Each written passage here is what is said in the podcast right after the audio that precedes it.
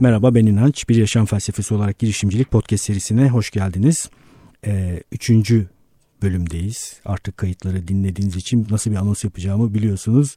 Ee, Eren Gökyer'le sohbetimiz keyifli bir şekilde devam ediyor. Risk almanın da tarifleri var. Risk tamamen sıfırlanamaz ama akıllı risk almak diye bir şeyin mümkün olduğunu düşünüyorum. Yani öngörerek, bazı riskleri bertaraf ederek, bazıları oluşmadan ortadan kaldırarak, bazı riskler açısından bir güvenli alan belirleyerek bir yönetici ama risk almadan mümkün değil belli riskleri akıllı bir şekilde alarak okulunu uçurabilir. Biraz da bunun üzerine konuşacağız ileride. Hı hı. Bu, bu başlıklar da beni şu anda dinlediğimde çok heyecanlandırdı. Gerçekten çok yani bunu ben bizzat da deneyimliyorum ve görüyorum. Ee, riski alan, inisiyatif kullanan e, yöneticilerin bulunduğu okullarda bambaşka çalışmalar oluyor. Ama onun haricinde ya aydan aya ben aldığım maaşa bakıp bankamatikten giderim. Ben mi kurtaracağım evet. bu sistem o, sistemi ben mi kurtaracağım? Gittik. Sana madalya mı takacaklar? Evet. Bu kadar uğraşıyorsun gibi bir yaklaşım e, olan noktada. Burada işte iyi tutumu, doğru tutumu tarif edip başkalarına da bulaşabilmesini sağlamak önemli. Bunu evet. hep birlikte bir şekilde yapmamız gerekiyor. Ve belli bir zamandan sonra da e, işte o katlama etkisi oluşuyor. Yani e, işte kaldıraç etkisi dediğimiz sizin podcastlerde sürekli vurguladığınız. Katlama etkisi olarak kullanıyorsun. Bir tarif eder misin? Sen şöyle nasıl? şöyle şöyle söyleyeyim üstadım. Basit ama ya bir şeyi basit ama sürekli yaparsanız muhteşem sonuçlara ulaşabiliyorsunuz. Oradaki en temel nokta örnek. Örnek şu, şöyle bir örnek vereyim. Klasik bir sözdür. O onu hani mermeri e, delen suyun gücü değil devamlılığıdır. Bununla ilgili benim sosyal medyada e, dinleyicilerimiz de baktığı zaman görecekler. E, Hintli bir kişinin Hindistan'da ağaç yetişmeyen bir yerde bir vaha içerisinde 37 yıl boyunca her gün bir fidan dikerek o ağacın yeşilliğin olmadığı bir yeri orman haline getirmesi, onun içerisinde işte akarsuların oluşması, diğer canlıların e, hayatın içerisine katkıda bulunması, orayı o şekilde oluşturabilmesi. Bir kişinin her gün bir fidan dikerek ama 37 yıl boyunca devam ettiğinde ve getirdiğinde bir süreç.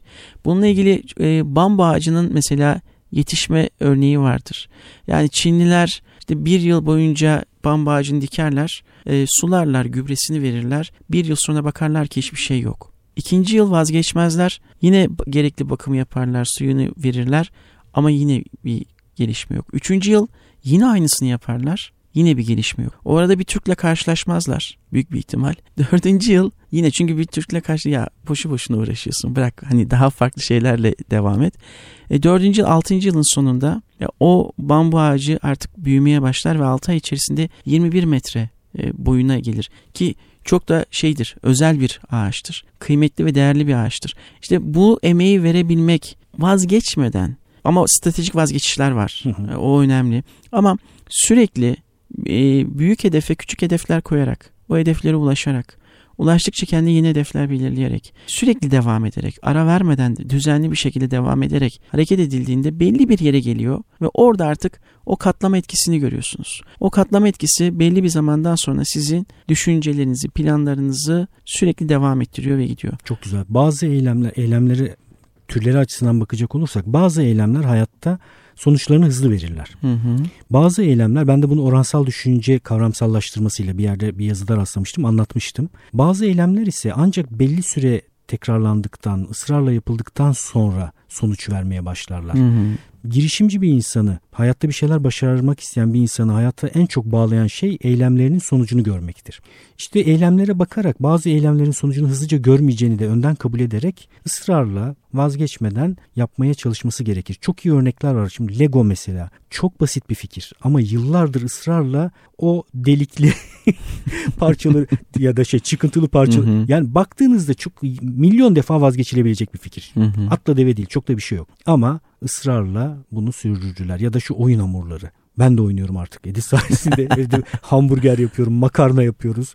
Ee, yani yine çok basit bir fikir. Hı hı. Twitter efsane evet. basit bir fikir. Evet. Hiçbir şey yok. Ben evet. Burada yine şeyi söyleyelim. Fikir tabii ki güzel olursa iyi olur ama eylem de çok güzel, önemli bir şey. Hı-hı. Yani bazen de böyle muhteşem fikirler beklemeden basit şeyleri ısrarla yapmaya devam etmek lazım. Sosyal medya, internet, blog yazıları, videolar bunların etkisini çok hızlı görmeyebilirsiniz ama emin olun ısrarla yaptığınızda sonuç alacaksınız. Ee, bir, bir örnek verebilir miyim? Ee, bu, bu örnek tabii görece hani kimin için iyi, Hı-hı. kimin için kötü olabilir onu bilmiyorum. Olumsuz olabilir. Mesela YouTube'da bir fenomen var. Enes Batur. Evet. Ee, milyonla 8 milyon civarında da takipçisi var.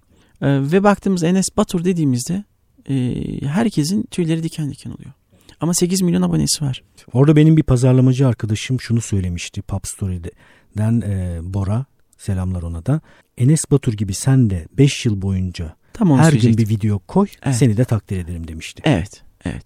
Şimdi kimse oraya bakmıyor. Hiç ve de ortada hiç bu tarz fenomenler yokken insanlar buradan bir şeyler ortaya çıkacağını bilmezken hiçbir beklentisi olmadan istikrarlı bir şekilde bir şey yapmış. Bu tarafına saygı duymak işte, lazım. İşte katlama etkisi dediğimiz nokta da zaten o. Yani her gün vazgeçmeden sen o videoyu oraya evet. atıyorsun ve bir şey gelecek ya da gelmeyecek onu bilmiyorsun. Hala tüylerim diken diken oluyor ama bu da benim hakkım yani Enes Batur'u izlerken. Ee, o, o da bizim hakkımız ama saygı Hı-hı. duyulması Tabii. gereken tarafına da saygı duymak lazım. Kesinlikle. Bu dil öğrenirken de benzer bir şey söyleyebiliriz. İngilizce öğrenmesi üzerine artık o kadar kabak tadı vermiş bile olabilirim yani İngilizce öğren öğren diye diye e, gerçekten çok değer çok verdiğim önemli. için ve kaldıraç etkisine çok güvendiğim için yine benzeri bir şekilde bileşke etkiyle yavaş yavaş her gün ısrarlı olarak yapıldığında sonuç alabileceğimiz bir şeydir. Yakın dönemde bir şey rastladım onu paylaşayım Lütfen. bu arada. Adını hatırlamıyorum daha sonra bulur paylaşırım bulabilirsem. Yine böyle hayatta bir şeyleri gerçekleştirmek üzerine ve girişimcilik üzerine Twitter'da rastladığım bu alanda işler üreten birisinin söylediği bir şey. Hani bir işe başlayamayız ayağımız geri geri gider bir türlü başlayamayız ya onunla ilgili bir öneri getirmiş. Çok da hoşuma gitti ve doğru buldum. Hangi işle uğraşamıyorsanız yani başlayamıyorsanız o işle ilgili çok küçük bir parçayı sembolik olarak yapın en azından diyor. Örnek hmm. kitap yazmaya çalışıyorum. İşte bugün 10 sayfa kitap yazmam lazım. Yazamıyorum. 3 cümle yaz.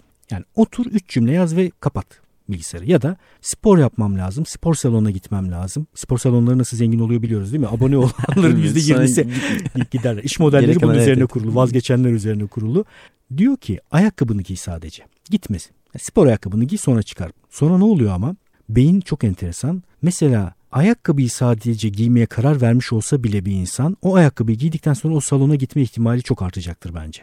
Ya da üç cümle yazmak için oturan insan üç cümleden fazla yazacak, yazacaktır. Kesinlikle. Nedeni şu. İnsan var olan durumu sürdürme konusunda çok yüksek bir eğilime sahip. Yani bir şey yapmamak otomatik durumumuz olduğu için bunu sürdürmeye çalışıyoruz.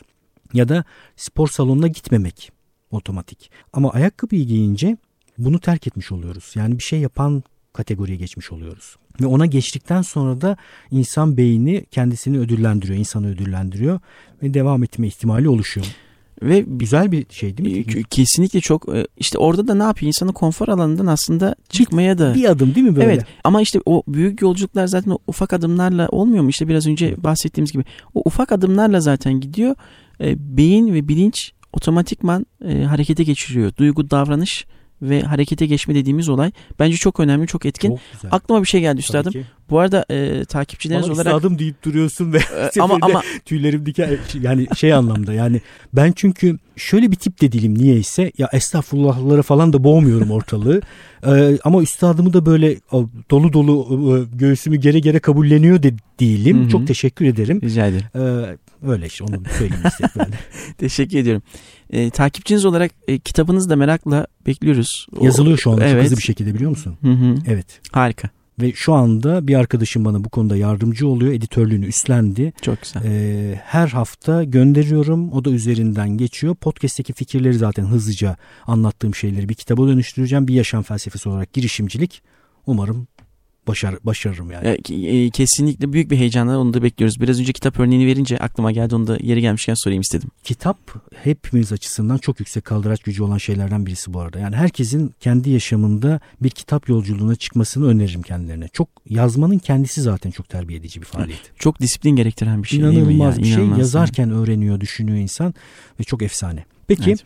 birkaç şey daha sorayım tamamlamadan önce kendini geliştirmek açısından, öğrenme açısından nasıl bir yol izliyorsun? Yani nasıl öğreniyorsun? Ee, Öğrenmeye ne kadar vakit ayırıyorsun? Deli gibi okuyorum. Bu bizim için yani hani bizim deyip sınırlamamam gerekiyor. Herkes için çok önemli noktalardan bir tanesi. Ee, benim en önemli beslendiğim damar. Ee, çünkü e, okudukça e, o işte hatırlama dediğimiz nokta var ya o, o hatırlama noktasına gidiyorum. Farklı Ya sohbet ediyorum. O, o sohbet etme duygusu müthiş. Çünkü e, işte bir eğitmen olarak, işte koç olarak yaptığımız iş itibariyle e, sürekli beslenmemiz gerekiyor. Yeni bilgileri sürekli görmemiz gerekiyor. E, bu anlamda okumaları çok sık yapıyorum.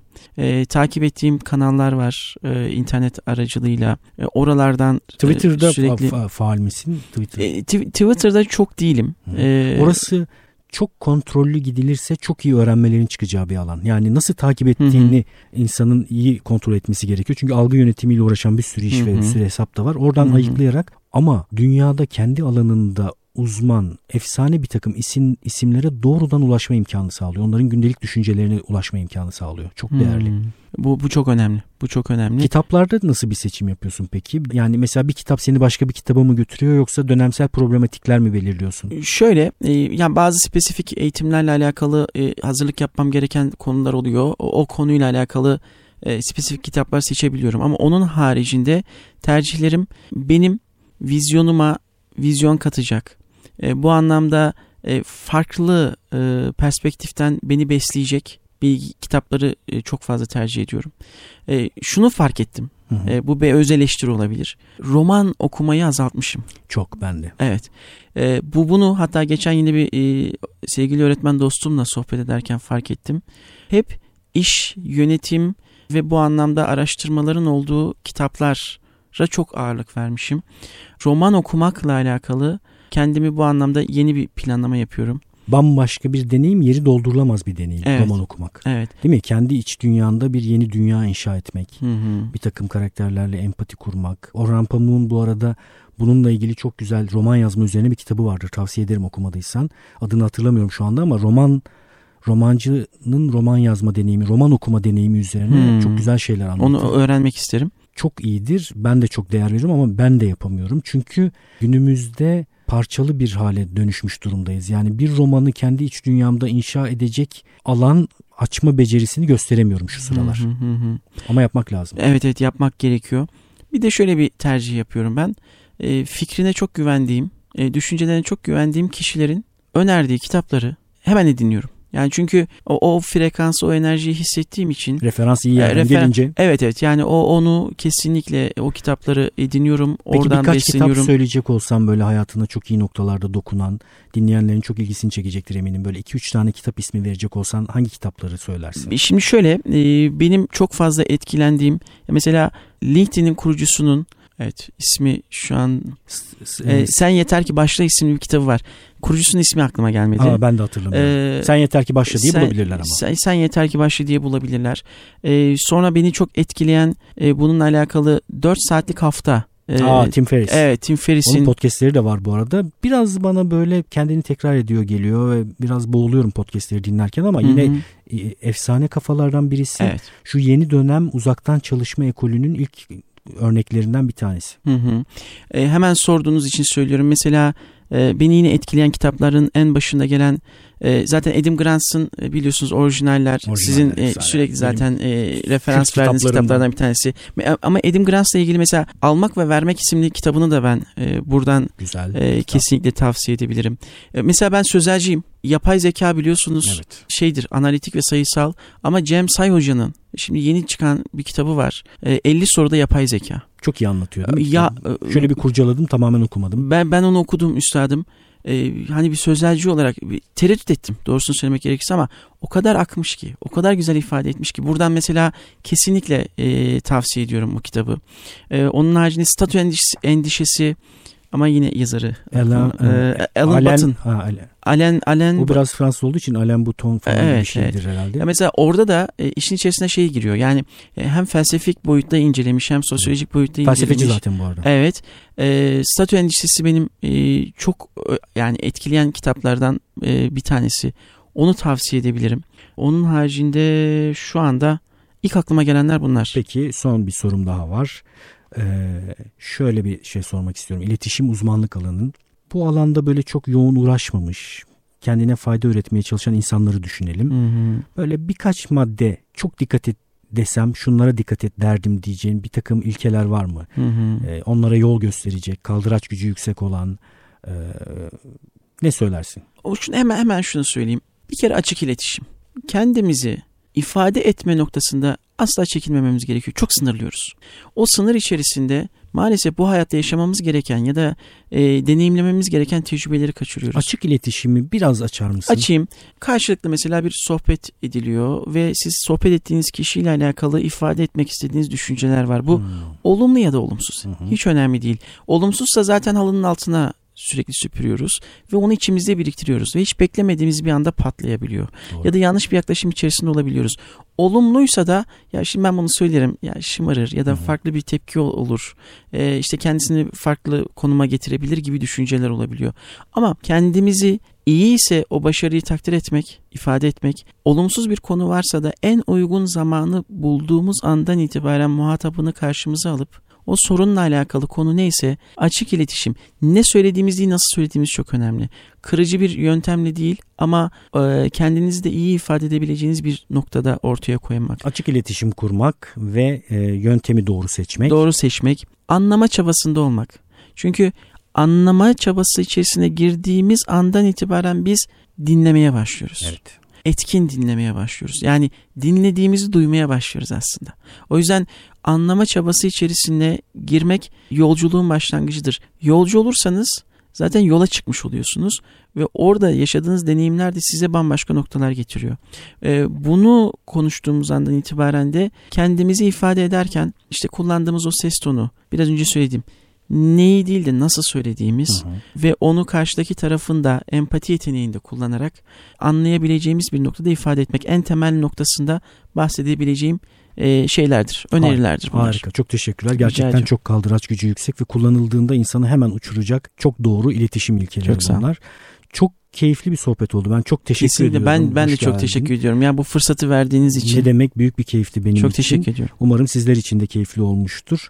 Ee, evet bir yaşam felsefesi olarak girişimciliği dinlemeye devam edin. Ee, bana e-posta yoluyla ulaşabiliyorsunuz. Onu biliyorsunuz artık. Instagram'dan takip edebilirsiniz. Orada e, arada sorular soruyorum. Anketler yapmaya çalışıyorum. Bir de e, inançayar.com'daki çıkan o e, forma kendinizi kaydederek arada bir haftada bir göndermeye çalışıyordum ama onu yapamıyorum. Artık arada bir gönderdiğim ve kitaplar ve filmler önerdiğim e, bültene de abone olabilirsiniz. Görüşmek üzere.